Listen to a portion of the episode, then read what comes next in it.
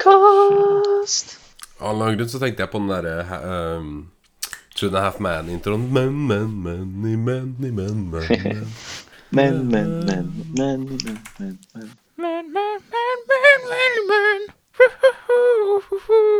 men. Men, men.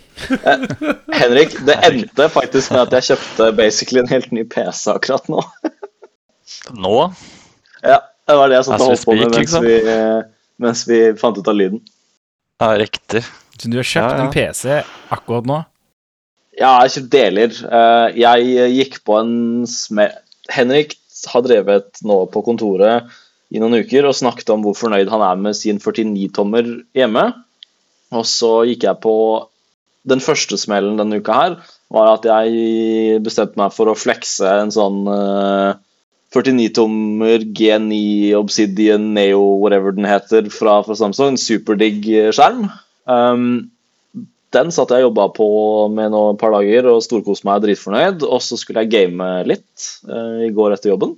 Og så begynte det å lukte brent av PC-en min, Nei. og den var skrudde seg av. Um, og så var jeg sånn OK, hei, jeg har sittet og jobba her nå i ti timer liksom, uten, noe, uten noen problemer. Og så lukta det liksom Altså, jeg var redd for at sprinkelanlegget skulle gå av fordi det lukta svidd liksom, der, svidd PCB.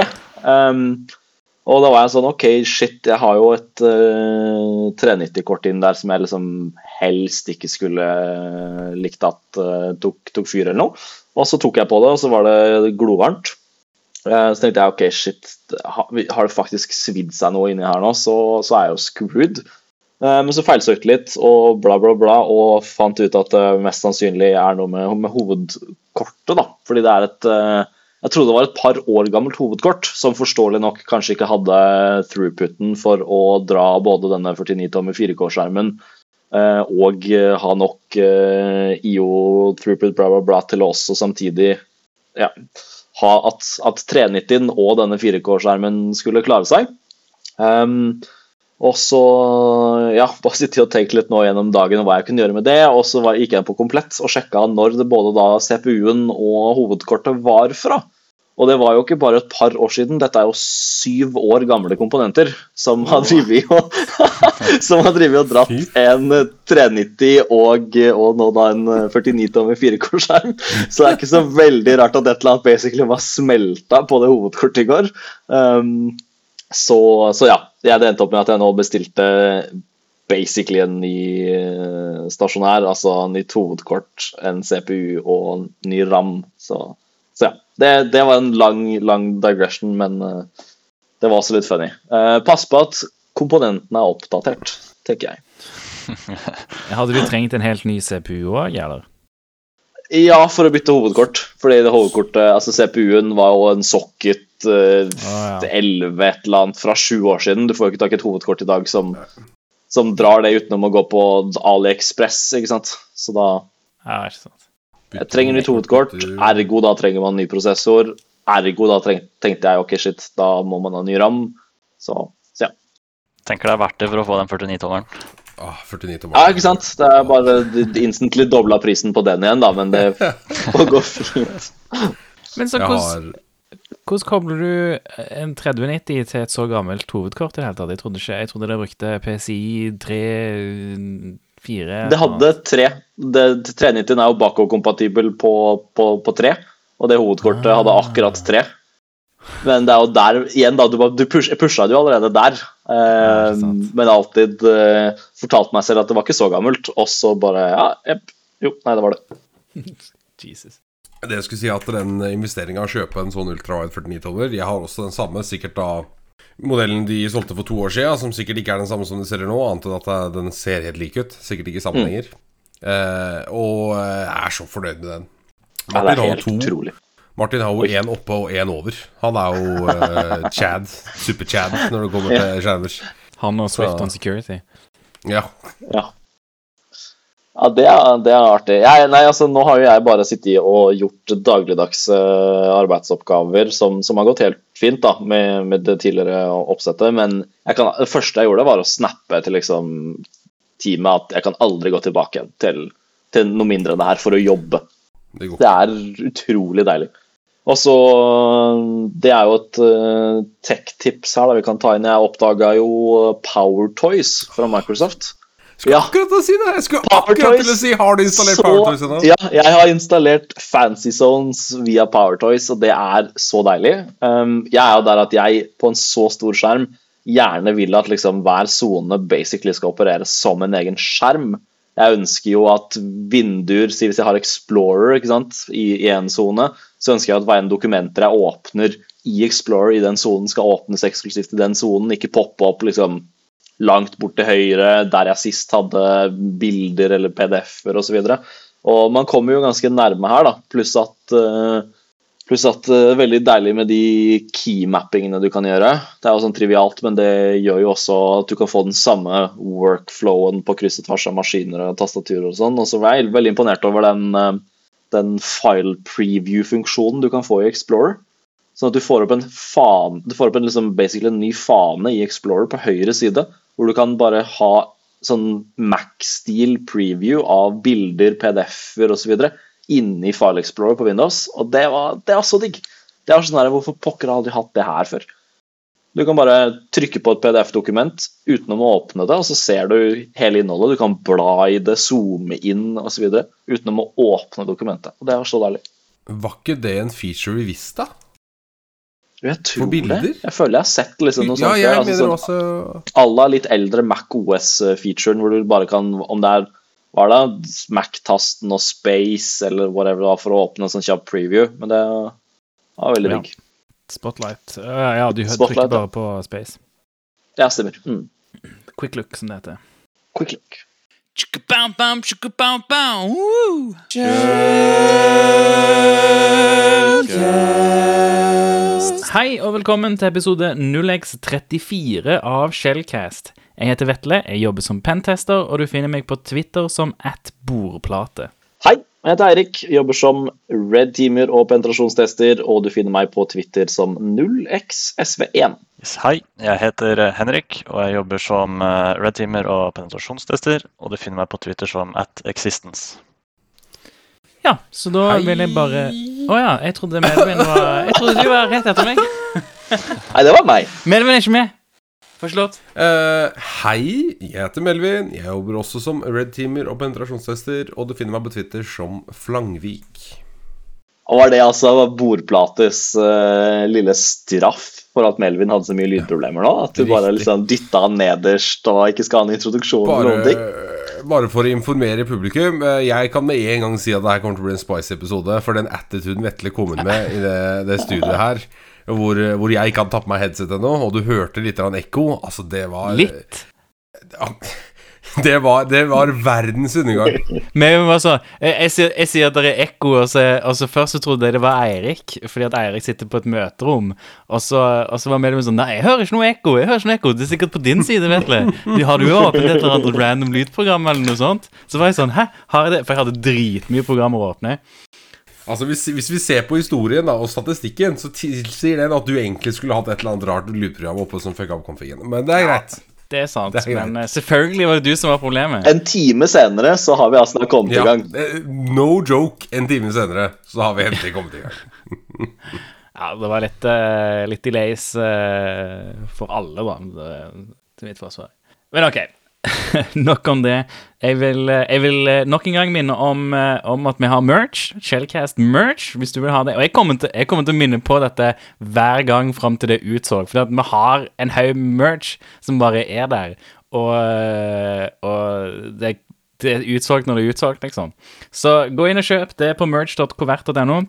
Uh, vi donerer alt av uh, uh, Ja, alt av det vi tjener på det, det donerer vi til et eller annet godt. Vi har ikke funnet på noe godt ennå, og ingen har uh, egentlig uh, tipsa oss om noe bra heller, så, uh, så ja. Det kommer en eller annen gang. Merch.covert.no. For La oss bare hoppe over på War Stories. Vi har ikke fått noen lytterspørsmål siden sist. Tror det, tror det eller Eller, vi har fått masse lytterspørsmål, men de var for dårlig kvalitet, så vi bare det ignorerte var sånn det. det. Det er ikke det at vi ikke har fått noe, det er ikke det at vi ikke er en populær podkast. Det var det at vi, det var ikke god nok kvalitet. Rett i spam. Det var så dårlig. Det var søppel. ja, ja, ja. Rett i spam. Så, Sånt eh, det gidder vi ikke. Sånn dealer Nei. vi ikke med. Men du har en war story, i Melvin. Kanskje du Ja. eh, kjører i gang med det? Uh, Jeg har en uh, liten war story, og det er et red team som jeg gjorde eh, før jeg dro til Vegas. Jeg rappa det opp rett før jeg uh, gikk i ferie og dro til Chicago og Vegas. Og det var da en av de uh, vanskeligste kundene jeg jobba med noen gang. Og ikke i form av at kunden er vanskelig. Kunden var kjempegrei, Uh, supersnill og veldig rett fram. Derimot, meg som en angriper hadde det ikke spesielt moro på dette nettverket, eller på vei inn i dette nettverket. Det begynner Altså det, jeg, Dette er liksom I min definisjon så er dette Eller i mitt hode, da, så, så er dette en definisjon på hvordan sikkerhet kan gjøres riktig. Eh, Og det er at dere istedenfor Jeg skal ikke, skal ikke bruke en time på det her, da. Men istedenfor å bare ligge der og vente på deteksjoner, så går man offensivt til eller offensivt til verk som en, en eh, defender, og så legger man Altså, legger man ut disse røde trådene til en angriper som man vet en angriper kommer til å gå på, for å være proaktiv i defense. Eksempel på dette Blant alle de eksterne serverne og hostene de hadde, så hadde de flere falske eksterne endepunkter. Som bare som var rene eksterne honeypots. Og så fort jeg skanna en av de honeypotsa, så ble den IP-rangen min blokka across alle hosts. Så første enumereringsrunden jeg gjør mot kunden, så skjønner ikke jeg hvorfor i all verden jeg fikk lov til å kjøre en enkel nmap-scan én gang, og så plutselig så har jeg ikke tilgang til noen av hostene.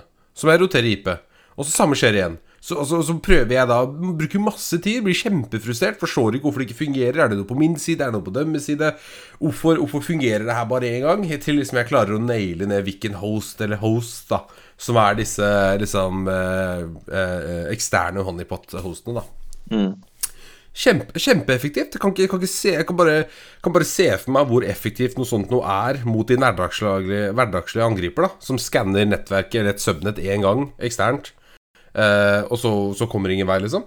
Så ikke sant, Det var liksom hurdle 1, og dette fant jeg jo typ ikke ut for langt inn i engagementen. Jeg skjønte jo ikke hva som var feil. Jeg bare brukte jævlig lang tid på å gjøre eksterndelen, ikke sant. Så, så først liksom mot slutten så fikk jeg greie på det, da. Eh, og så klarer jeg ikke å komme inn fra utsiden, noe som har blitt både positivt og negativt. Positivt eh, har blitt vanskeligere den siste tiden. Jeg synes Enten så gjør Enten så er jeg vanvittig dårlig på å velge folk jeg sender fish til, eller så er folk vanvittig dårlig, eh, gode til å ta training og ikke klikke på ting. Eh, for jeg har hatt veldig lite flaks de siste engagementene. Det er veldig flaks, da det er veldig opp og ned, men de siste engagementene har veldig lite flaks med, med å komme inn fra utsiden med fishing. Eh, Så vi går over inn i Zoom breach phase, som egentlig betyr at jeg direkte får kontakt med en ansatt som har blitt valgt ut på innsiden. Vi sammen komprimenterer PC-en, og så går alt som normalt. Og så har de fått en cover story som de følger. Og på den måten så simulerer du liksom at du kommer på innsiden på egen hånd, uten å få en ny maskin, uten informasjon, og uten at noen vet og, ja, ikke sant? Det er En av de bedre måtene å gjøre det på, i my opinion. Kommer på innsiden, Helt enig. Typisk, typisk Tiber-løsning at man har en trusted agent eller en white cell som fyrer av en, en payload. Ja. Helt riktig, det er god, god pulling til Tiber der. Mm. Um, uh, og så, vi, så lander jeg da på innsiden, og jeg har da fått et inntrykk av eh, modenhetsnivået til denne, eh, denne, dette selskapet. Selskapet er lite, men de har en god del penger, fordi bransjen de driver i tilsier at de er godt funda. Eh, hovedliden på Blue-teamet deres er en, eh, en kjent person på Twitter. Han følger alle de jeg følger på Twitter. Når jeg går på Twitter-feeden til vedkommende, så liker han å klikke på alt det samme som jeg gjør. Og det er egentlig ditt verste mareritt, for da vet du at alle teknikker som har kommet ut de siste tre åra, vet den motherfuckeren her om, og har skrevet generiske deteksjoner for.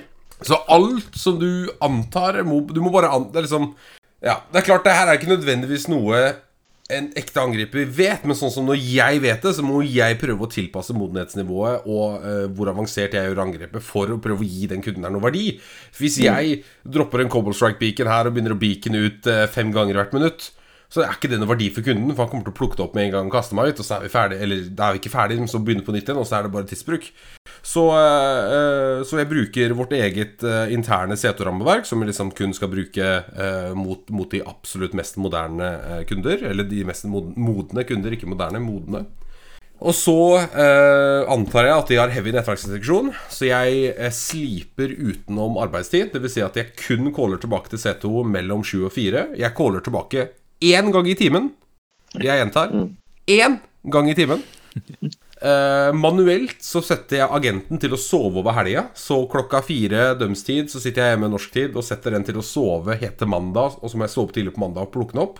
Så det ikke er noe settetrafikk over helga, som kunne vært uvanlig.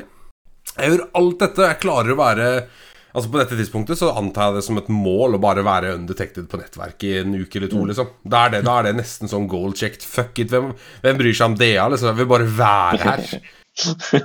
Leave me alone! Jeg vil bare, jeg vil bare, jeg vil bare browse litt nettverk La meg gjøre jobben min. ja, Det er liksom bare Jeg vil bare Ja, jeg vil bare være på boksen. Jeg vil bare browse litt fileshares. Jeg vil bare browse litt lokale mapper, litt GPO policies. Ja, bare, bare la meg være her, liksom. Jeg har, jeg har ikke lyst på noe mer. Eh, jeg henter ut informasjon. Jeg replikerer eh, deler av kunden sitt miljø i lab.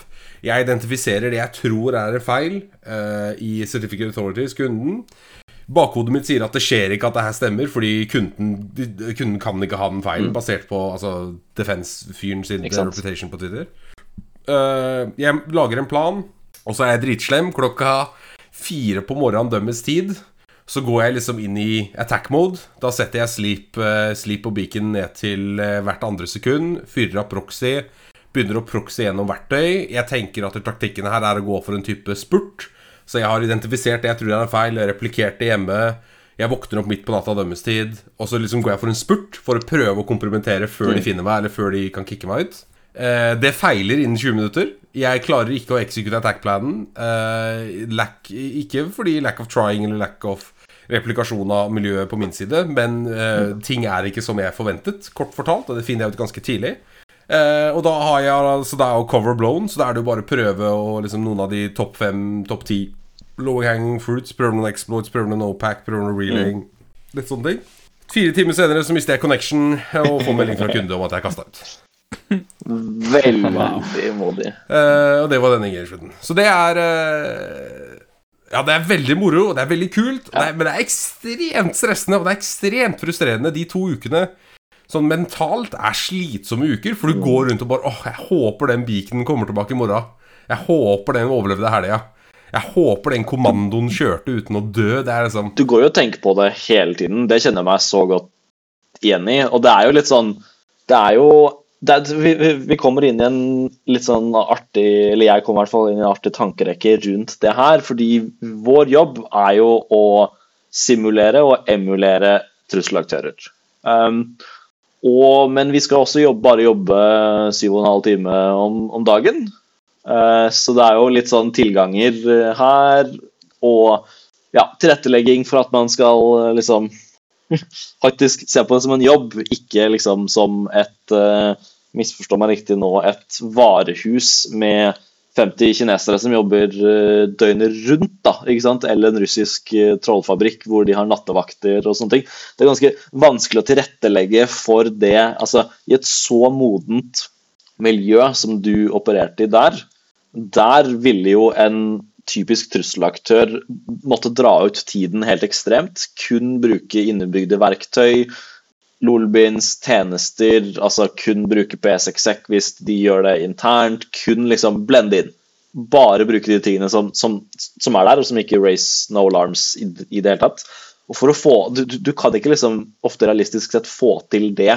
Åtte til fire-jobb i Norge, og så ha fri, ikke sant. Eh, det er jo vanskelig. så det, det Sånne scenarioer, og hvert fall med så modne kunder, er jo vanskelig å emulere eller simulere en reell trusselaktør som ville jobba 24-7, men liksom kanskje sjekka inn en gang i uka da, at de har 100 sånne operasjoner gående, eller 10 sånne operasjoner gående parallelt, men de har beacon check-ins en gang i uka, ikke sant? hvor de da opererer litt, og det er alltid noen på vakt osv. Så videre. så.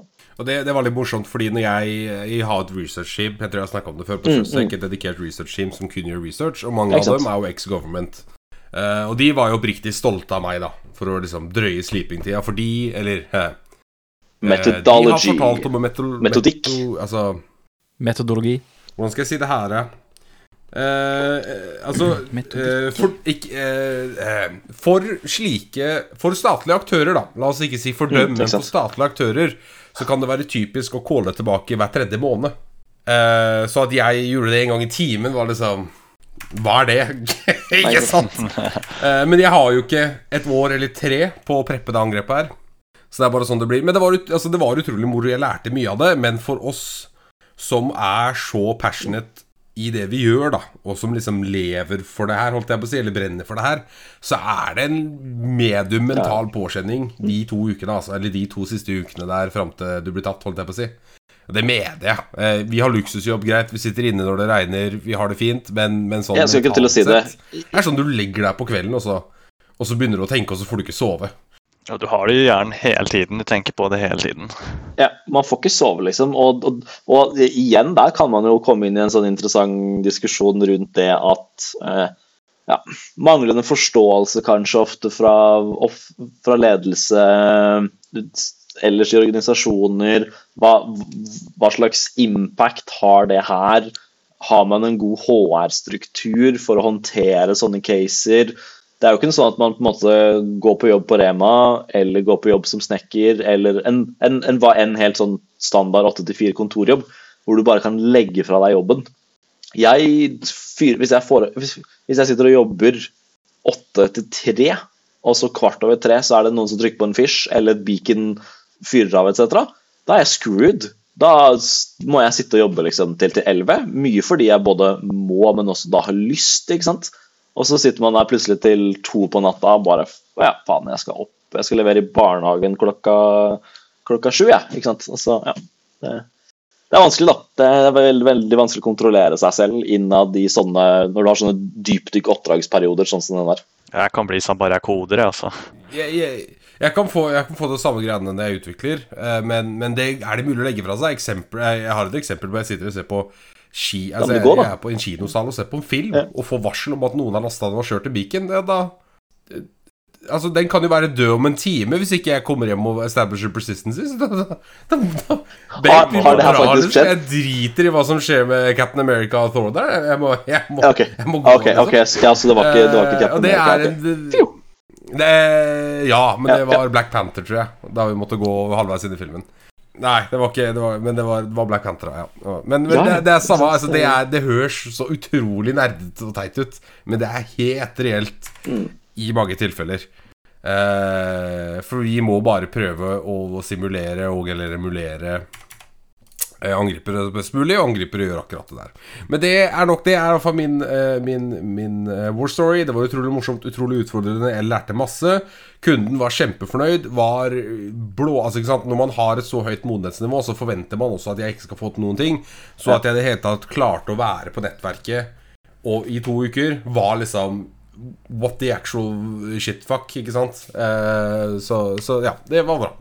Jeg, jeg må bare si én ting. Jeg tenkte, jeg tenkte på det når du snakka om han Blue Team-kisen her.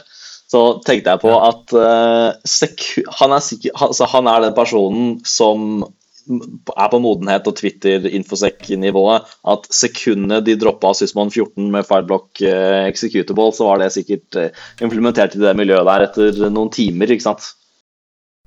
Og det, det som var morsomt på det miljøet, var at eh, EDR, jeg, eh, jeg undervurderte EDR-løsninga de brukte umiddelbart, fordi jeg har vært borti den før.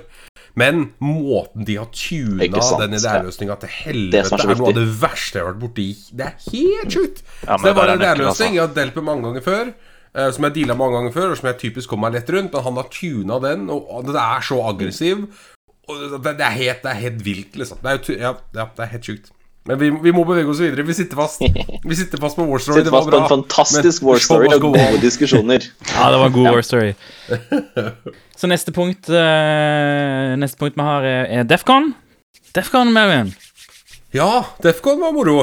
Eh, jeg vet ikke om du skal snakke først, Eirik, og så snakker jeg litt etterpå. i forhold til Fordi Defcon-talken min og Team Filtration går litt in tool release og litt sånn liksom slutten av nyheter-opplegg. Jo, så Defcon 30 var jo akkurat eh, nå for eh, noen uker siden i, Las Vegas. Hvor eh, flere nordmenn både var på besøk og hadde, hadde talks. Både B-sides og, og på selve Defcon og, og diverse villages. Liksom mindre ja, skal man si, mindre konferanser eller subcons av, av, av selve Defcon. Um, det, blir jo, det her blir jo en sånn liten corporate plug, men eh, Ragnhild på mitt team, altså Orange, eh, Orange sitt, sitt Red Team hadde en talk på Defcon sin Social Engineering Village om etiske dilemmaer i henhold til social engineering. Um, veldig, veldig kul. Jeg tror det skal komme noe opptak av det, eller ikke opptak av selve talken, men den talken skal bli sluppet på YouTube etter hvert, så når det skjer, så kan jeg jo oppdatere. Og så hadde jo vår eh, kjære Melvin her eh, en eh, talk på, på en av hovedscenene, og en fantastisk tool-release i tillegg. Så trommevirvel og over til Melvin. Eh, så jeg hadde da den eh, store ære av å få lov til å presentere på Defcon eh, talken min 'Taking a Dump in the Cloud'. Som var litt sånn clickbait, og som fikk mye uh, artig respons. Jeg var redd for at det var kanskje litt for edgy i 2022, men det, det var det absolutt ikke. Det var dritmorsomt. Jeg tror, jeg tror de fleste uh, var med på den. Fikk lov til å holde talken på track 2 på søndag på Defcon. Gigantisk rom, veldig mange mennesker. Eh, Jeg husker ingenting av det. Blacka direkte. Jeg vet ikke om det er noen som kan kjenne seg igjen i det, men jeg kan preppe så mye jeg vil til foredrag, men så fort jeg går opp på scenen, så er det bare all out the window, og det er bare snakk, til, snakk og se hvordan folk reagerer, og prøve å ha det moro, liksom. Ragnhild sa vel akkurat det samme, tror jeg. Ja, altså det er, det er bare jeg, jeg hadde ikke noe manus, det var bare drit i. Jeg vet at det går rett ut av vinduet når jeg kommer opp, og det gjorde det òg. Blackout hadde foredraget, kom ned, fikk masse fine spørsmål. Mange, mange mennesker som kom opp og hilste på meg. Det var kjempemorsomt. Satte veldig pris på det. Eh, Det foredraget var bygd rundt et verktøy som jeg slapp, som heter Team Filtration. Wow. Det skal vi snakke litt mer om senere i podkasten, så stay tuned. Nice. Så ja, nei, ellers, eh, ellers på Defcon, uh, Melvin. Blackhat Du var på Blackhat òg, var du ikke det? Vi var på Black Hat. Eh, Trusted Sec pleier å ha en training på Blackhat hvert år. Eh, det er et firedagers training. Blackhat er jo kjent for trainings. Uh, og det, den traininga heter så mye som uh, Jeg må søke det opp, fordi jeg husker ikke navnet på den. Uh, nei, det var, det var ikke den. Skal vi se. Det var noe adversary-greier. Ja, jeg husker jo sånn cirka Skal vi se Trust Kan jeg, kan, kan, jeg komme, kan jeg komme med en artig liten digression der? Fordi i, i Orange så har vi jo Orange er jo sør- sørafrikanske Sensepost, som har levert uh, trainings på, på Black Hat nå i jeg tror det var 20-årsjubileum uh, nå i år. Uh, og leverer jo en Jeg tror, tror de hadde fem trainings eller noe sånt uh, på Black Hat i år. og hatt det ja, de siste i hvert fall fem pluss eh, årene, og, og hatt trainings i, i de siste 20. Og da så jeg at eh, Dominic, eller at Singe på, på Twitter, eh, relativt kjent navn fra, fra Senspost, han, han, han, svarte, han svarte David fra, eller David Kennedy eh, når han tweeta den Black Hat training-posteren. Eh, så kommenterte han det at, de hadde, at dere hadde bytta til en A, altså, altså navngitt kurset med A eh, i starten, sånn uh, adversary something something, sånn at det kommer på toppen av, eh, av training Eller allegedly kommer på toppen av training-greiene til Black Hat. Og hvis du går inn og ser på liksom eh, på programmet på Black Hat Trainings, så er det liksom sånn derre det er en sånn open secret. Typ 90% av kursene bare begynner på A. Og så er det liksom advanced, adversary og bla, bla, bla. bla, bla Sånn at de kommer på toppen av den alfabetiske lista. Ja, Funny. Eh, det er, jo- jeg, jeg sitter og ser på det nå, og det, det er jo enda en da større konkurranse om å ha A, Ikke B sant? eller AA eller AC. Ikke sant? For AB er abusing and protecting Kubernetes. A complete, practical, A comprehensive. Uansett, da kurset Trusted Cold het Actionable Defense Understanding Adversary Tactics. Det var et veldig bra kurs som Ben Ten eh, på Twitter har. Han er dritflink, veldig passionate. Dette her er liksom babyen hans. Og vi tar for oss grunnleggende Linux, grunnleggende eh, angrep, angrep, og så ser vi direkte på hvordan vi kan generisk detektere dette angrepet med en sim rett etter vi har utført det. Og så, ja, det er altså Hvis du er sysadmin, blue team, eller til og med kanskje litt interessert i offense, ta en titt på det. Altså, vurder det kurset. Kjempebra kurs. Jeg hadde den ære å få lov til å være med i år og, og hjelpe Altså, hva skal jeg si, være tutor, hjelpe eh, studentene i kurset. Og jeg hadde også en avsluttende modul om C2-rammeverk i kurset, så det var drittmoro. Og det er de fire første dagene før Black Hat, og så er Black Hat, og så er Defcon, for de som lurer. Teachers, teachers Yes. Assistant Melvin. Yes, please. Veldig kult, da. Ja. Nei, Bla- Black Hat-kursen er jo noen av de som eh, er jo, no- er jo det som gjør Black Hat verdt det, syns jeg, da. Jeg er ikke nødvendigvis så interessert i å gå på foredragene på Black Hat, men, eh, men kursene har jeg alltid vært eh, glad i. Alltid, sier jeg. Har vært på ett Black Hat-kurs før dette. Ja, jeg tok Black Hat-kurs remote i fjor da, av covid, og, og da var det sånn jeg, jeg fikk jo pass til, til Black Hat, altså sånn remote pass, uh, for å se alle talks og sånn. Jeg tror ikke jeg så en eneste en, Uh, fordi det er jo veldig C-level og CISO og IT-ansvarlig og liksom sikkerhetsansvarlig, sånn type, type talks. Uh, er, det er noen gullkorn innimellom, men det er jo definitivt B-sides og Defcon de på en måte tekniske talksene for gutta på gulvet kommer, liksom. Ref. Melvin sin talk, ikke sant. Mm, absolutt. Ja, jeg tok, eh, jeg tok et cloud pentesting-kurs eh, i år på Black Hat. Jeg jeg var dessverre jeg var syk de første to dagene. Så når vi landa, så, eh, så var jeg egentlig ganske grei første dag. Jeg var bare trøtt. Og så dagen etterpå så, så var jeg skikkelig dårlig. Det var jeg eh, de to neste dagene. Så jeg mista de to første dagene av kurs. Det var ikke covid. Jeg tok eh, to tester. Så det, selv om de amerikanske testene er weird. Uh, så Men jeg, så jeg fikk i hvert fall uh, gått Det tatt de to siste dagene, da, det fire dagers kurset, som var det var helt greit. Jeg vet ikke Jeg, vet, jeg, vet, jeg, jeg tror ikke jeg missa så mye de to første dagene. De andre i, i, eh, på kurset var ikke så fornøyd, i hvert fall. Det heter et eller annet sånt Astute Cloud Pen Testing, Mm. It's Raining Shells. Sånn, der òg A-en selvfølgelig er astute. Eh, ja, ikke sant. Der er det A-en. Ja. Ja, ja, ja. Det alle, er med, alle er med på denne naming-meteren i Blackhead. Men uh, de var ikke så fornøyd. De sa det har ikke regna noe skjell i det hele tatt. Uh, som egentlig er forståelig, det. Et cloud shell er, er vel ikke nødvendigvis helt det samme som uh, et reverse shell, sånn sett. Målet med cloud pentesting er, er noe annerledes. Der, eh, der er det jo å få tak i ressursene og, og, og sånne ting, og gjerne det er jo fortsatt priv eh, privilege escalation og sånt eh, i alle slags privilegier, hierar hierarki, om man kan si det. Men nei, kurset var, var all right. Var, de var ikke så flinke til å presentere, Uh, men, men kursmaterialet var skikkelig bra. Det, det de har levert, og det de har skrevet, var kjempebra. Så, så jeg føler jeg har mer betalt for materialet enn jeg betalte for kurset. For at eh, det er en av de kjedeligste instruktørene jeg har sett, tror jeg. Han var, han var Det virker ikke som om han var så fornøyd med å være der. Det virker som om han òg var syk, for å si det sånn. Men Det har jeg opplevd flere ganger, faktisk. Det at eh, leveransen av kurs, eh, både in person og, og, og remote, er sånn midt på treet. Eh, men, men at materialet er bra, da, og at det er det du egentlig betaler for. Det er jo i hvert fall hvis du får code snippets, du får gode tutorials, du får kode, altså terraform-scripts, måter å gjøre ting på. Så sånn, du, du, du sparer tid. Det er jo rett og slett en samling av tid. Du betaler noen andre for å ha gjort jobben, og så får du materiale. ikke sant? Ja, absolutt. Så nei, så det var Det var i hvert fall B-sides-erfaringen min. B-sides var, var greit. Vi hadde ikke foredrag du, du betale, Hvis du skal ha foredrag, så må du betale for det ekstra. Så selv om du har kurs på, på, på Nei, sa jeg B-sides? Det heter Blackhat. Ja, jeg begynte å lure om du var der òg da. Ja, ja. Nei, jeg var på B-sides òg, men jeg så Jeg var kort, kort innom B-sides. Og så Mia Landsem eh, presenterer Hun hadde, hun hadde foredrag på B-sides. Så jeg var ikke så mye innom B-sides, faktisk.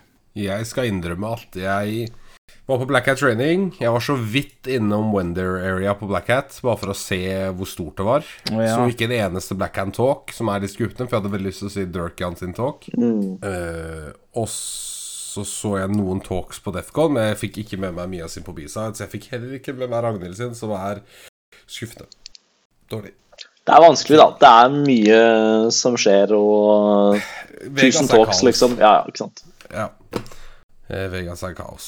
Men jeg håper jo alle talksa etter hvert kommer ut på YouTube eller eller noe. Veldig lite som har blitt tatt opp, virker det som. Eh, Så jeg har sett det har vært litt sånn infosec-Twitter-greie med at folk basically må liksom recorde talkene sine selv i ettertid da, og putte de opp på, på YouTube og sånn. Er Ble din tatt opp, eh, Melvin? Uh, alle Defcon Talksa ble filma og tatt opp, uh, i tillegg til at de ble streama. Ja, de hovedscenetalksene, ikke sant? Mm. Ja, jeg vet, ja, Ja, det. Fordi- ikke Village Talks har Nei, blitt tatt opp. ingen Village Talks. Jeg så det på samme både i Adversary Village, Red Team Village og Social Engineering Village, der hvor Ragnhild hadde talk. Der var det ingenting som ble tatt opp. Og det var kjipt, fordi det ble det i fjor, eh, når det var remote. Da Eh, Da var det jo da, altså da basically var det jo bare forhåndsinnspilt og ble jo enten altså streama live og lagt rett opp på, på YouTube. Men eh, folk får en forventning til å gjerne ville se de selv om du ikke er der òg, ikke sant. Ja, det er det Altså venter jeg veldig på når det blir lagt ut. Uh, I fjor så ble de lagt ut tidlig i september, så jeg håper at Defcon Talks For det er en del jeg har lyst til å se, selv om jeg ikke fikk med meg dem der og da. Mm. Så det er moro. Ok, nei, da Fram til Team Filtration så beveger vi oss videre bort fra, fra Defcon. Vi eh, kan sikkert fortsette å snakke mer om det senere også. Det var masse som skjedde når vi var i Vegas. Eh, l- ja, da hvis vi går til Hvis vi går over da til vår første nyhetssak Lockbit ble angrepet av T-tjenestenekts-angrep, også kjent som DDoS, rett etter at de, rett etter at de publiserte filene til cybersikkerhetsselskapet Entrust. Eh, og dette her så jeg på Twitter. Eh, eh, og jeg har, en, jeg har et screenshot her foran meg, eh, og det ser ut som de da blir DDoSa med HTTP get requester.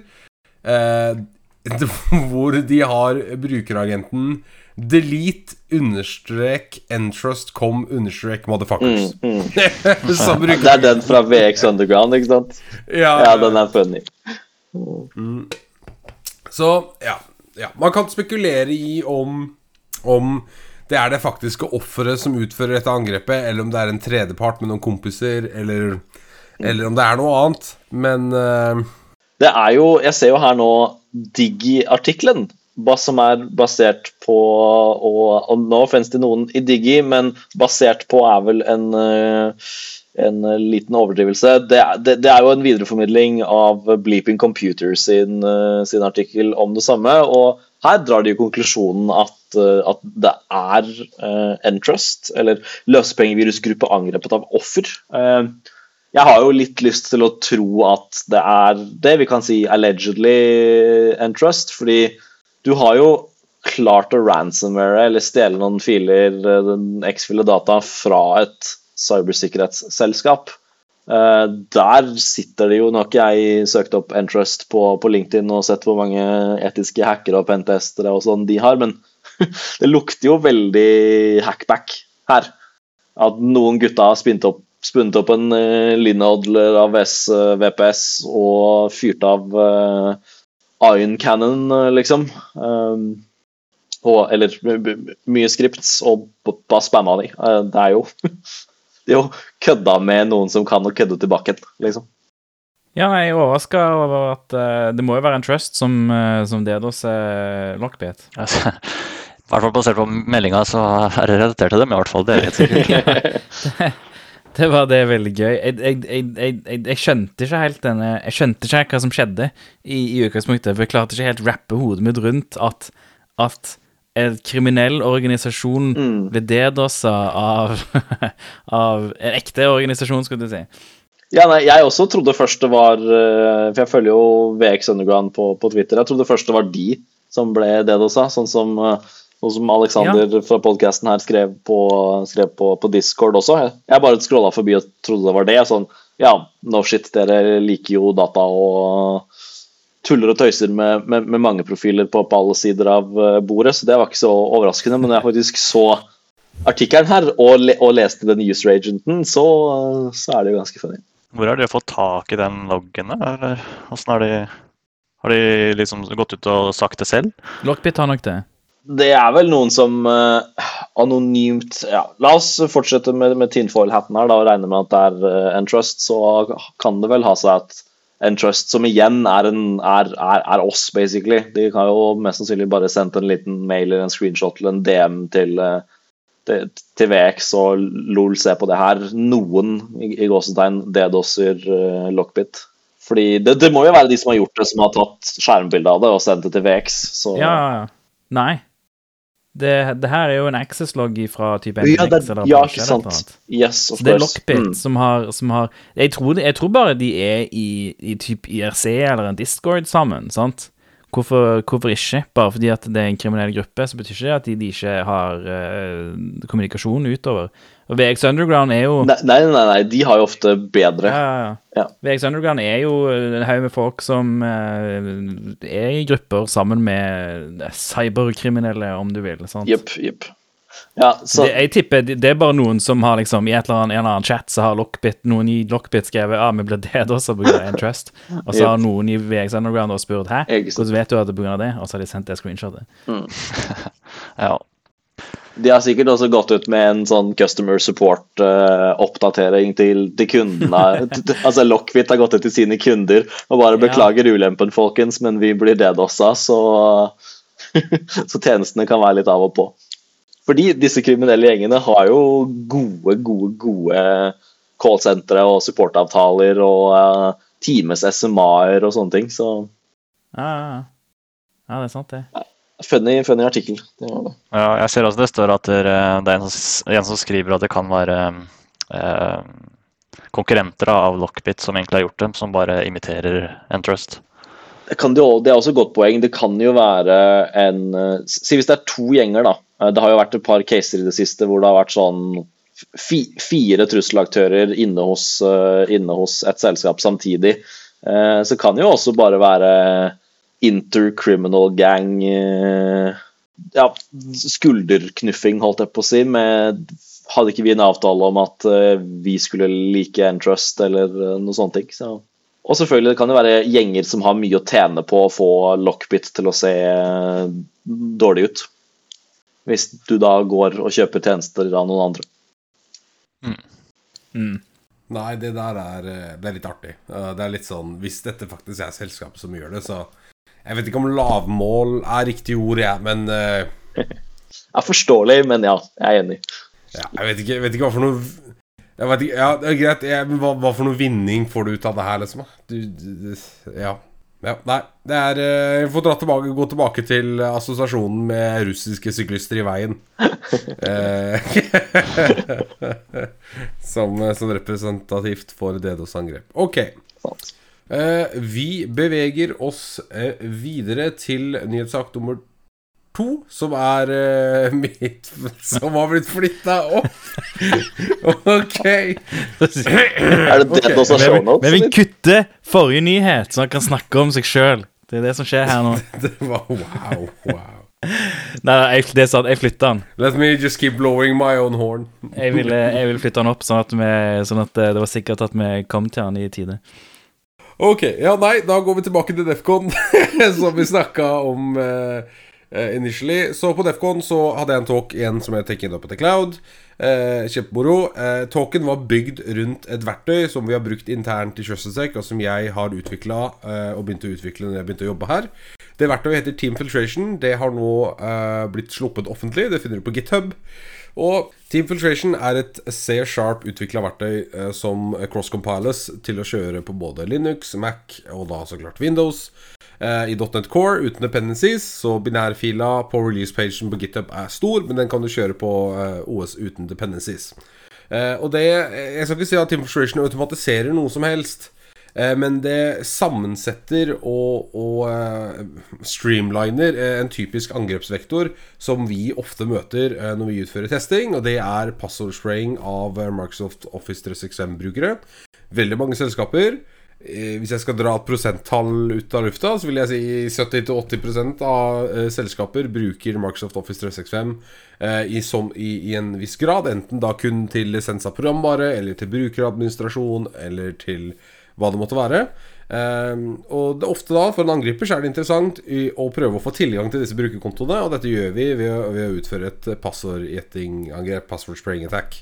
Ehm, som går ut på at vi har si, en liste med 2000 brukere i, i tenenten, da, eller i eh, skyløsningen i, i, kunden sin Office. uh, Office tenent, er det det heter. da Det er liksom uh, Det kaller firmaets uh, enhet i uh, Azure Nei, i, jo, i Azure Active Directory, eller da Office 365-skya.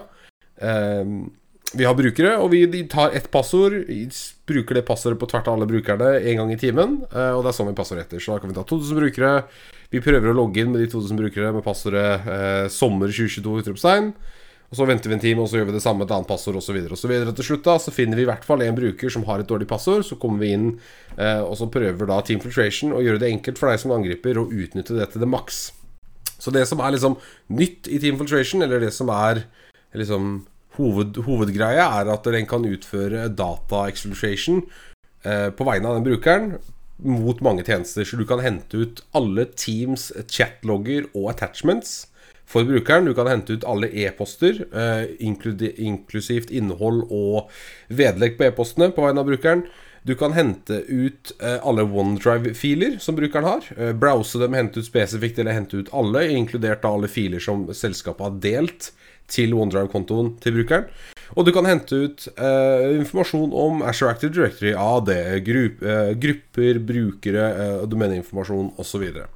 Uh, og det det angrepet her skal tillate, da at det skal utnytte maksimalt utnytte den ene eller to Den ene eller den andre eller den tredje eller den tiende brukerkontoen du klarer å komme deg inn på, ved å hente den informasjonen, og så kanskje du kan spre tilgangen din. Uh, og det var egentlig det token handla om, og det var egentlig det, uh, det som var hovedpoenget med hele token, var bare å lansere det verktøyet. Det ble godt tatt imot. Jeg tror, mm. jeg tror det ble det, i hvert fall. ja, Tilbakemeldingen har vært at det var en god talk, og at det var at det ser ut til å være et bra verktøy. Og jeg må jo da takke Trusted Sec-teamet, som har hjulpet meg uh, finne bugs. Altså, vi har jo brukt det her internt i Trusted Sec i over et år nå. Mm. Uh, et år og åtte måneder. Så, så, det er ganske polert i forhold til feil. Uh, fordi jeg vil jo ba, bare ha retta det korrigerte internt. Uh, og Du finner det på GitHub, og det er ganske rett fram å sette opp og bruke. En modul som jeg snakka litt om i presentasjonen, og som er litt sånn ikke secret, men litt sånn det, det står ikke noe om den på readme-sida, er at den har en, en bakdørmodul uh, som du kan gå inn i med dash dash backdoor. Uh, og det gir deg en interaktiv terminal til å browse OneDrive-mappa til brukeren.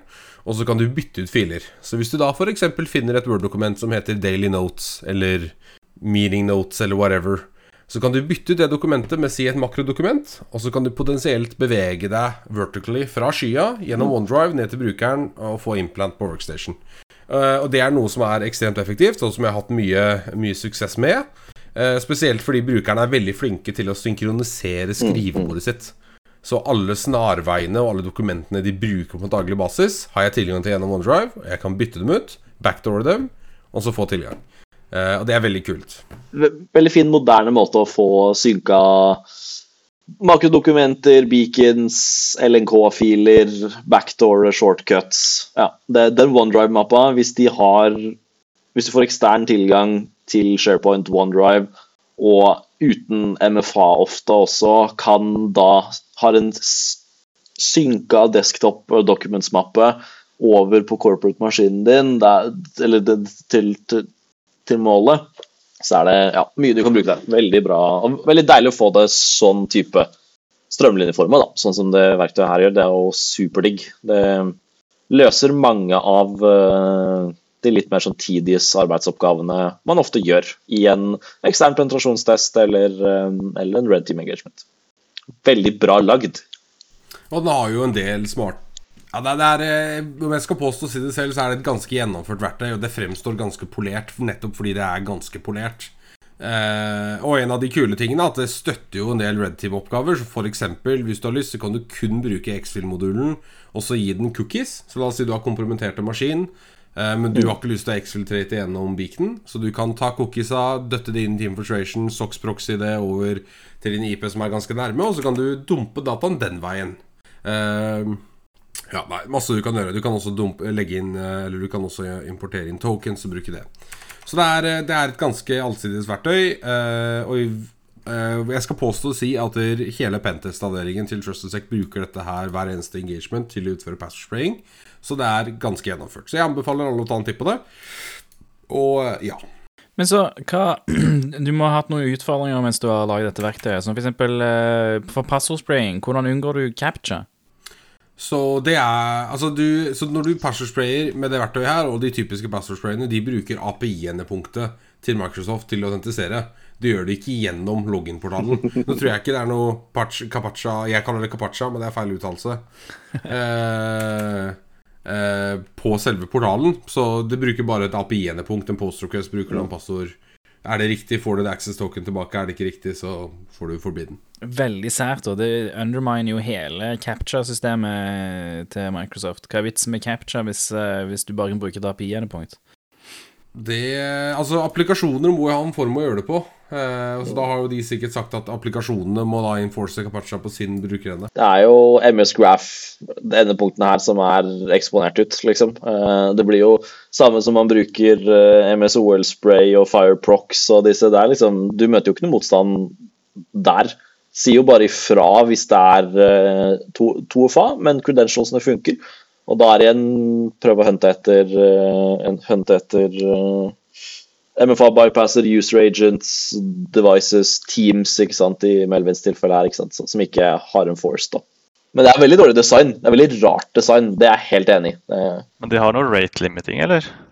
Så eh, det er det som er litt interessant. Så du har jo en enumereringsmodul som gjør det enkelt å enumerere gyldig brukerkonto innen tenenten. Eh, og den har tre forskjellige metoder å gjøre enumerering på. Uh, den ene er den veldig kjente, som er Emusol, som er veldig rate-limita.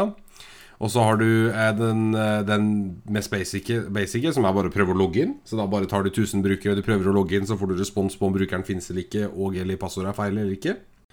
Og så har du en, som, en metode som heter Validate Teams, og den er veldig interessant. For det er en metode vi har brukt internt lenge, og som var ukjent og privat veldig lenge. Frem til ca. et halvt år siden så var det en eller annen på Twitter som posta et PowerShell script som gjorde noe lignende. Og det Validate Teams-teknikken gjør, er at du, du gir Team Infiltration en sacrificial Office 365-konto. Den logger inn på Teams, henter ut Teams Access Tokens, og så bruker den søkefunksjonaliteten i Teams. I Teams så kan jo du søke på andre brukerkontoer på cross attendance til å søke opp brukere. Og så gjør du enumerering på den måten. Og det API-et er ikke rate limita. Og det API-et gir ikke false positives. Eh, og det er dritraskt. Du, Teams, eh, hele Teams-teamet er dumpster fire. Hvorfor er ikke det rate limita? Velkommen til vårt Teams-team på Teams. Ja, jeg sverger, de bruker alle Slack. Ja, er garantert. Så det er veldig interessant. Og den, det API-et kan du liksom I Team Filtration kaster jo 300 e-poster i sekundet mot det API-et, og det går fint. Uh, så du kan jo enumerere liksom 40 000 e-poster på et par minutter ganske fint, da. Eh, ja, og Det er liksom en hovedteknikk vi har brukt lenge, og den er fortsatt veldig effektivt. Og uh, vi bruker Fireprox bare for å være helt sikkert i tilfelle de begynner å introdusere rate limits. Uh, ja, det er, det, er mye, det er så mye smart logikk bygd inn. Et eksempel på logikken her er hvis du komprimenterer en bruker, og du kjører X-Fill-modulen, så vil jo X-Fill-modulen dumpe ut brukere fra Azure Active Directory. De brukerne blir jo da mata inn i databasen til Team Filtration igjen, så neste gang du gjør spray, så sprayer du da alle brukerne. Det glemte jeg for så vidt å si, men Team Filtration er databasebasert, så all informasjonen som du benytter i løpet av angrepet ditt, blir lagra i en database. Du kan enkelt eksportere det til Jason og CSV i forskjellige formater for å presentere det, for å eh, gi frem timestamps til akkurat når du utførte hvilket spray, akkurat hvilke passer du prøvde, hvilke bruker du prøvde ned til hvert sekund under angrepet, og gi til kunden din for at de kan Ja, det er, det er så mye, så jeg har ikke, jeg har ikke begynt på wiki-pagen ennå. Eh, for jeg må gå gjennom det selv, for jeg har glemt halvparten av det. Ja, det ble jo sånn. Men sånn eh, Jeg vet ikke om det er interessant for noen andre enn meg, men eh, jeg så at eh, du, du har Ja, du har ikke testa Du har ikke fått testa den Federation Services-loggen ordentlig.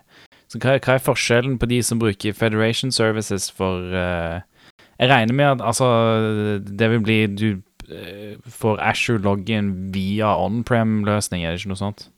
Så tenk på ADFS. Mm, stemmer. Så ADFS er jo en on-prem-løsning eh, som kunden må hoste selv og eksponere, og så skjer identifisering gjennom den.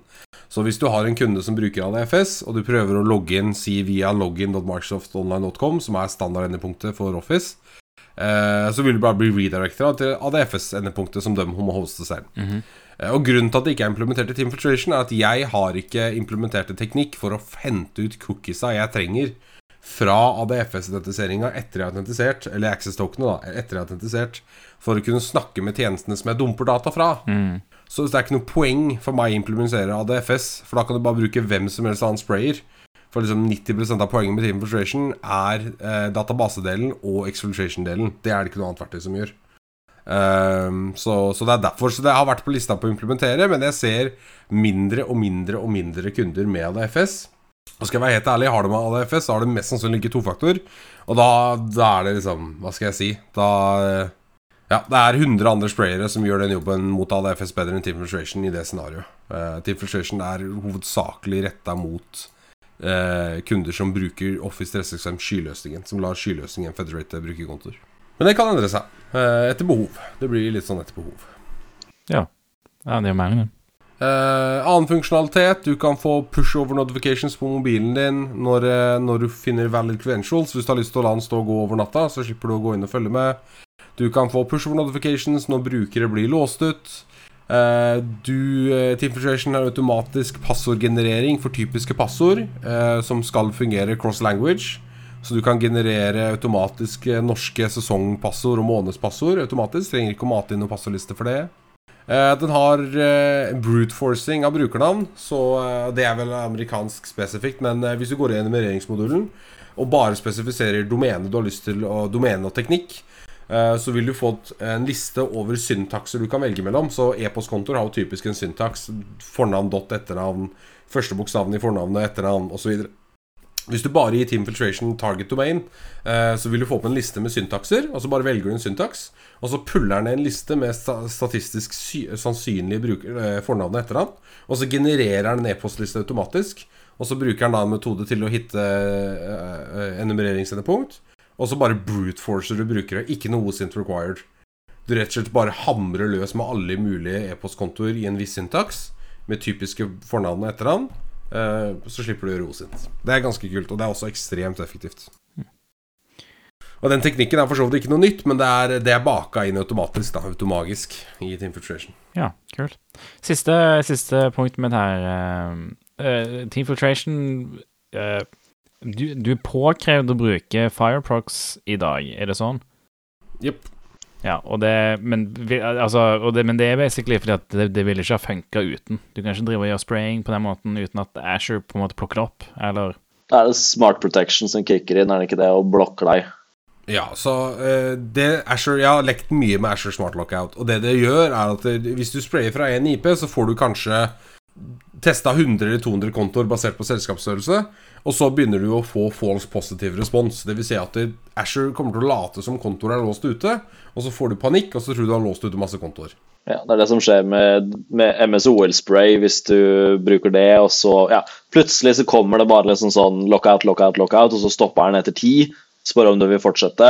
Men hvis, hvis du da gjorde det fra ett Fireprox-endepunkt og genererer en ny en, og sprayer mot det endepunktet, altså sånn Microsoft tror det kommer fra en, fra en annen uh, adresse, da plutselig er kontoene unlocked igjen. Helt til du trigger uh, hva enn som er smart lockout policyen deres. da. Og en annen udokumentert feature i Team Filtration er jo at der, eh, jeg fant ut at det står et eller annet sted i Microsoft-dokumentasjonen at dere er så Smart Lockout er region specific. Mm. Så når du sprayer med Team Filtration, så vil den rotere på regions Mm. i Fireprox. Så første spraying med det første passordet, 1000 brukere, da bruker vi eh, Canada-regionen. Neste spray så bruker vi Mm. US Vest 1. Neste spray så bruker vi US East 2, osv. Og, så og på den måten så klarer du å unngå Asher Smart Lockout ganske lenge. Mm. Det sto i et eller annet kurs jeg tok. Jeg lurer på om det var Breaching the Cloud-kurset med Bob Bullock. Eh, der jeg først ble introdusert til Fireprox. Og der er det ja, ruller, eh, ruller region i AVS. Sånn at du Det selvfølgelig, der kommer man jo inn i oppsekt-diskusjon og hva som gir mening for kunden å se hva er minst Eller hva gir mer mening versus liksom South Southeast Asia 2-regionen plutselig sprayer etc. Det er jo fort, fort malicious, men uh, den automatiserte funksjonen der får du jo bypassa ganske godt, altså. Spray, I min, min tanke så er ikke spraying-angrep stedet uansett hvordan du gjør det. Eh, Så hvor du gjør det fra, driter du i. Det som er forskjellen, er at hvis du er på eh, si en europeisk region når du finner Mm. riktig passord, så blir du instantly locka ut av conditional access. Men det betyr ikke at du ikke kan få tilgang hvis du går fra en annen region. Det betyr bare at responsen der og da sier at nei, du er blocked by conditional access policy, men det var riktig passord. Så meg som angriper driter egentlig i det. Vet jeg riktig passord, vet hvor du er hen, så kan jeg bare gå tilbake senere og så logge inn med riktig passord fra riktig region. Og det er, det, er, det er også ting jeg har lyst til å implementere i, i Team Frustration. Altså Du kan spesifisere region når du gjør conditional access enumeration. Ja, nei, eh, jeg må begynne på wiki-sida på et eller annet tidspunkt. Jeg bare vet ikke når ennå. Eh, For det er så mye logikk som jeg kommer på når vi sitter og snakker om det, som jeg bare har glemt. Det er jo den klassiske 'hvor er dokumentasjonen'? Jeg er dokumentasjonen. Ja, ja, men det er sånn. Jeg er dokumentasjonen. Og egentlig så er ikke det heller koden, er dokumentasjonen. Eh, For det er, eh, det er hvor mange tusen linjer med kode? Det skal vi se, Jeg posta det på Twitter for en stund tilbake. Skal vi se. Jeg tror det er ganske mange, så. Team Filtration har Det har over 10 000 linjer med kode. Nærmere 15 000 linjer med kode. Eh, og det er ganske, ja, ganske heavy, da. Det er ganske, ganske stor applikasjon med mye logikk, som jeg håper jeg ikke slipper å kødde så mye med. Fordi det som er så Grunnen Jeg tror at noen ikke har lagd noe tilsvarende ennå, med så mye Kall det guardrail-logikk, da, er at så snart du begynner å fucke det opp, så, så bare Så bare så bare, bare fucker det seg helt. Sånn som Jeg har sikkert skrevet om spraying-logikken sånn fem ganger. For å prøve Fordi, ikke sant Det jeg har lyst til, da Når jeg skal slutte, for jeg vet vi, vi bruker altfor mye tid på det, men sånn det jeg har lyst til med Team Filtration ikke sant? Siden Team Filtration er databasebasert, så vet Team Filtration til hver tid når du hadde siste eh, spraying attempt mot den brukeren. Så jeg har ikke lyst til å være låst bort med at du skal spraye alle brukerne samtidig over x tid. Jeg vil at du bare skal kunne hitte spray, og så kan du stoppe når som helst og starte opp når som helst igjen. For Team Filtration vet hvor lenge han må vente per bruker. Han vet siste forsøk, han vet hva neste forsøk skal være, osv. Eh, så jeg har liksom lyst La oss si du legger til 50 brukere midt i sprayen, da. Så skal de nye 50 brukerne spraye, spraye med det gamle passordet, men de, men de 100 brukerne kan jo spraye samtidig med nytt passord. Det skal være liksom Det skal bare fungere, da. Og den logikken er vanskelig. Den er skrevet om fire-fem ganger. For hver gang jeg skriver den om, så er det alltid en eller annen jævla edge case som gjør at den ikke fungerer sånn som intended. Eh, den kommer jeg sikkert til å skrive om en gang til. For spraying-logikk er vanskelig. Det høres jævlig enkelt ut. Spraying-logikk er vanskelig. Punktum. I hvert fall når du skal skrive alt til en database, så blir databasen for stor, og så må du finne en måte å kunne lese og skrive til databasen fortere, så du ikke får collision, for det er, files, for det er en filbasert database. Ja, nei. I I digress. Uansett, uh, kult verktøy. Ta en titt på det. Uh, lagt veldig mange timer i det. Eh, og jeg tror det kommer til å gjøre i hvert fall X-Fill veldig enkelt uh, på neste test. Og uh, kanskje det er en wake-up call fra Microsoft til å begynne å enable mer logging på den type interaksjon. Da. Vi får se. Det eneste jeg skulle ønske, var at du hadde med all Git-historikken i repoet. Det kan jeg ikke, fordi jeg måtte endre det vanvittig fra private til public. For før så var det ikke noe config, det var hardkoda alt inn. Så all commit-historie fra liksom, de siste to åra er jo bare sensitivt. Så beklager. Ah, trist. Mm. I'm sorry. Hun har mer lyst til å lese den. Ja, ja. Jeg fikk lyst til, da fikk du lyst til å lese den, da. Du ser hvor mange commits uh... Jeg, jeg, fikk, jeg fikk en binary av deg en eller annen gang for uh, et år eller pluss uh, tid siden, Melvin, hvor det var hardkoda Fireprox. Uh, Stemmer. noe tidlig, noe tidlig, tidlig, tidlig beta på lignende prosjekt. Stemmer. Den har, Team Filtration har 126 commits. Oi. Hvor den første committen er ah, Skal vi se Klarer jeg å finne den, da? Langt ned her. Første commit er eh, 6. januar 2021. Fix, fix 2, fix 3, fix 2. Fuck, have to change password now. Fix 3, fix 4, fix 5. Add get ignore, attempt 2. Yeah, how about this now? Really makes sense. I don't really get it. Cracked it, fixed. Jeg tror ikke du, du vil ha commit-historien. Og jeg elsker det. Sjekk ut github.com slash flangvik slash teamfiltration. Eh, neste nyhetsartikkel på agendaen er en sak fra NRK som vi eh, crincha ganske hardt av når vi så den. Og den har sinns blitt endra, men eh, Statens vegvesen skulle teste noen nye digitale skilt i Mo i Rana. Ehm, og da er det noen som tilsynelatende har endra litt på hva som står på de skilta. Så det ene uh, skiltet leser Mo i Rana, Hufsa, kommer med en M. Sikkert fordi de hadde ikke med plass på skiltet. Uh, og et annet skilt sier yeah, get pond uh, dash ligma. Altså sitat ligma. Ehm, og det, det som vi syns var morsomt her, da For det her, når vi ser det bildet her, og vi ser den tittelen, yeah, yeah, get så skjønner vi umiddelbart at det er en 16-åring på et eller annet eh, gutterom som har funnet det her på Shoden. og Det var ikke noe passord, har bare skrevet det for moro skyld. Ikke sant? Det er det første man tenker. Tre Ja. down, whatever. Ja. Eh, de skriver eh, NRK spør Er det en fare for at disse skiltene kan bli hacket? De skal være sikret så godt som mulig, sier Sørensen. Og han bekrefter at Vegvesenet har mottatt en god del tilbakemeldinger på skiltbommen. Ja, vi har det. Folk syns det er morsomt. Uh, og hvor er det denne Hvor er det den sitaten står hen, da? Det, ja, ja, jeg har den her. jeg har den her. Um, er, fra den PDF-en jeg posta, så, så er det jo da skrevet Dette er fra fremover.no, mener jeg. Um, hvor det er skrevet uh, fra han i, han i, i, i Vegvesenet. Tavla som teksten står på, er ikke av den typen som vi kan skrive fritekst. og Derfor skjønner vi ikke hvordan dette har skjedd. Denne typen tavle har faste tekster som brukes når det er kontroll på stedet, og vi skjønner ikke hvordan noen har fått opp denne teksten, men vi har gitt beskjed til kontrollorganet som tar saken videre, sier Nyland. Og litt lenger opp i den samme artikkelen så de eh, så, så står det da quotes Mo i Rana Hufsa kommer er altså ikke et resultat av unge hackere, men bare offentlig testing. De skriver dog i sitatet, eller sier i sitatet rett over, at det ikke går an å skrive fritekst. Så her har du jo en ganske interessant contradiction, og noen som kanskje har forsnakket seg lite grann. Um, fordi jeg kan love samtlige at JJ Get Pond, signert Ligma, er ikke noe fast tekst i et eller annet veiskilt, liksom, som er kobla på internett. Eirik, hva er ligma?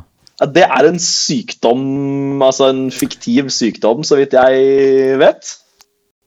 Ja, Jeg trodde du skulle si ligma balls. Ja, å ja. Nei. Yes, jeg gikk ikke på den. Jeg bare regna med at du ikke visste det. Du gikk Ah. på jeg, ah. Men, men, Nei, men du kan gjerne jeg, det. altså, jeg tenkte umiddelbart dette er no, ja. Au. Ligg meg. Eh, Jeg tenkte umiddelbart at dette må være navnet på en eller annen sånn tenåringshackergruppe. Eh, Men umiddelbart Google-søk gir ingen Reddit-post. Eh, Så jeg, jeg kan verken bekrefte eller dekrefte at det er tilfellet. Men det er enten et, enten et uh, måte å si 'fuck you' på med mindre tekst, eller så er det navnet på en, eh, denne, denne Discord-gruppa som har gjort dette. Ligma er jo bare en typisk sånn Ja, det, Vet du hva?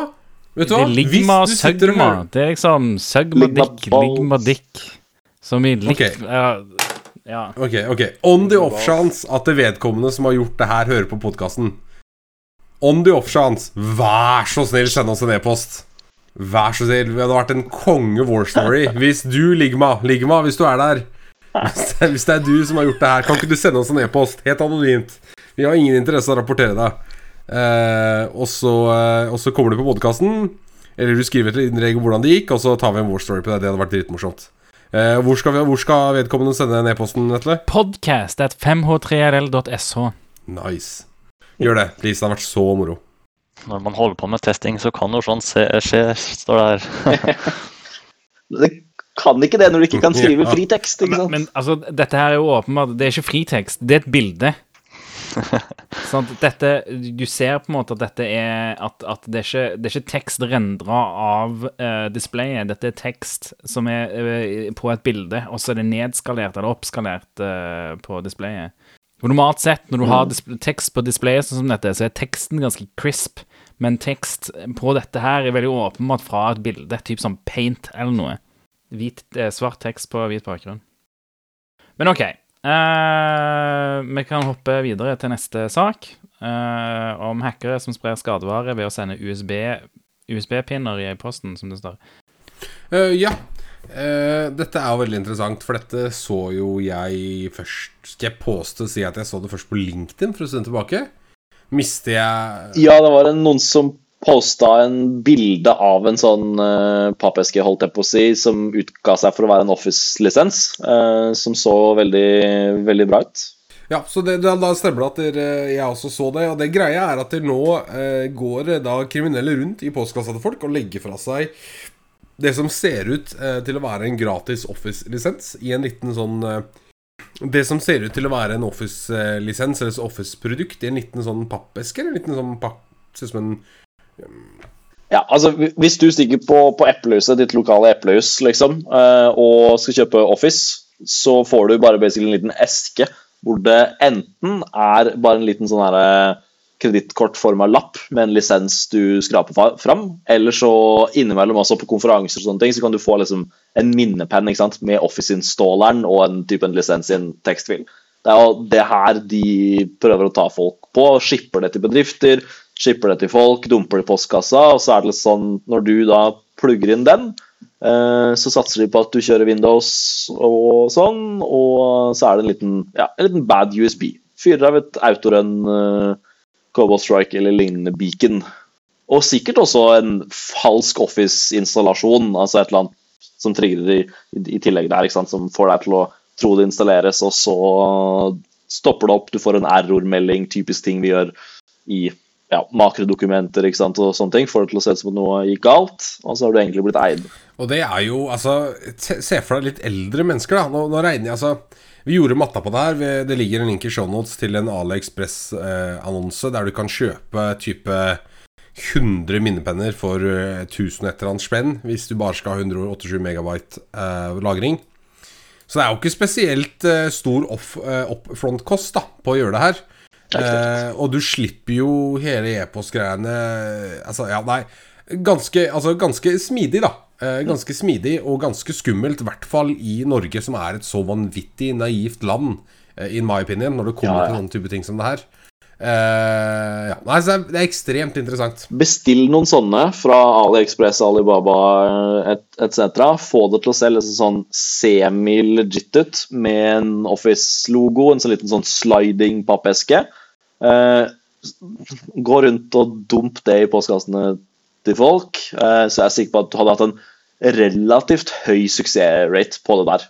Fordi det er folk bare å, ja», og, så, og, så, og så dumper du det i en eller annen sånn, her, sånn hvit eh, hvit eh, konvolutt fra posten med, med, med bobleplast på innsiden og sånn. Ser semi-legit ut. Du har en ordentlig, liksom, ordentlig adressestikker på den. Um, kan gjøre veldig målretta mot noen i store selskaper. og ja, Stor sannsynlighet for at de bare regner med deg jobben eller en partner eller noe sånt som har sendt, eh, sendt ut en ny update. ikke sant? Helt klart. Eh, så den, den, er, den er skummel, og den, den har jeg forståelse for at folk kan gå på, og derfor må man være litt grann på obs. Litt grann på obs.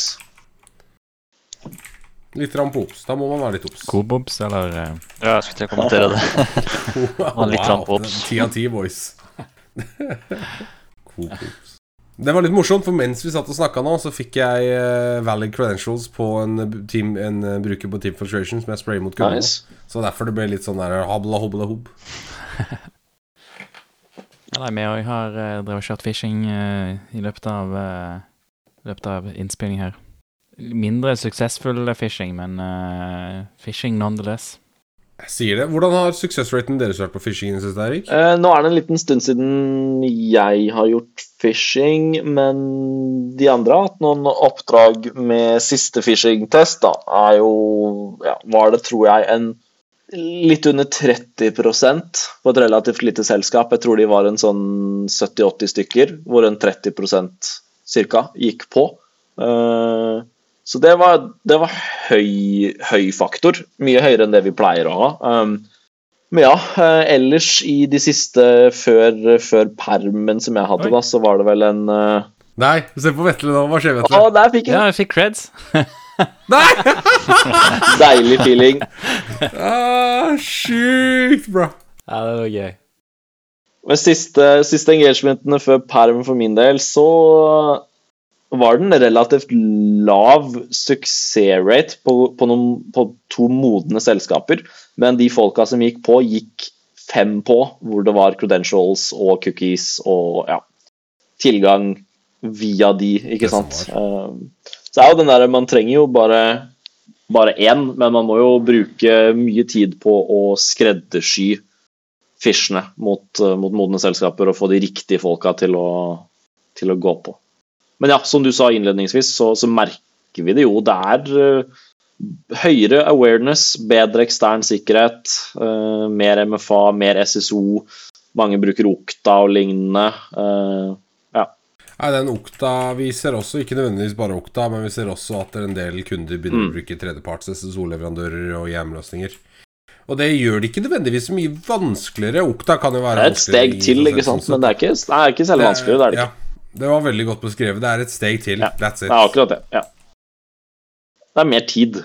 Ja, vi må bruke mer tid på eventuelt uh, capture burp requesten, finne ut hvilken cookie som må endres og replayes. Ja. Ja, vi så nå at eh, Office, altså Microsoft har vært mer aggressive på, på eh, å ta ja, phishing.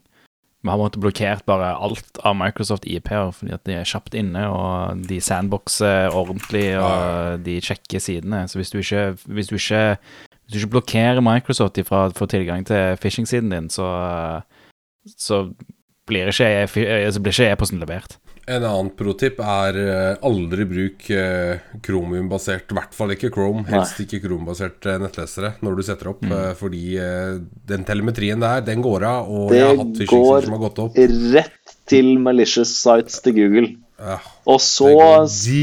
Hvis du, gud forby, da bruker Evil Jinx eller Modlishka eller tilsvarende fra en VPS, eh, så Netcraft er jo en av partnerne til, til Microsoft, og de aggressivt skanner samtlige publicly known eh, VPS-ranger hos alle hosting-providere for, eh, for publicly hosta instances av Evil Jinx, Modlishka etc. Som samtlige av disse verktøyene har jo innebygde indicators of compromise med cookies, tekst i koden etc., som er veldig enkelt å se.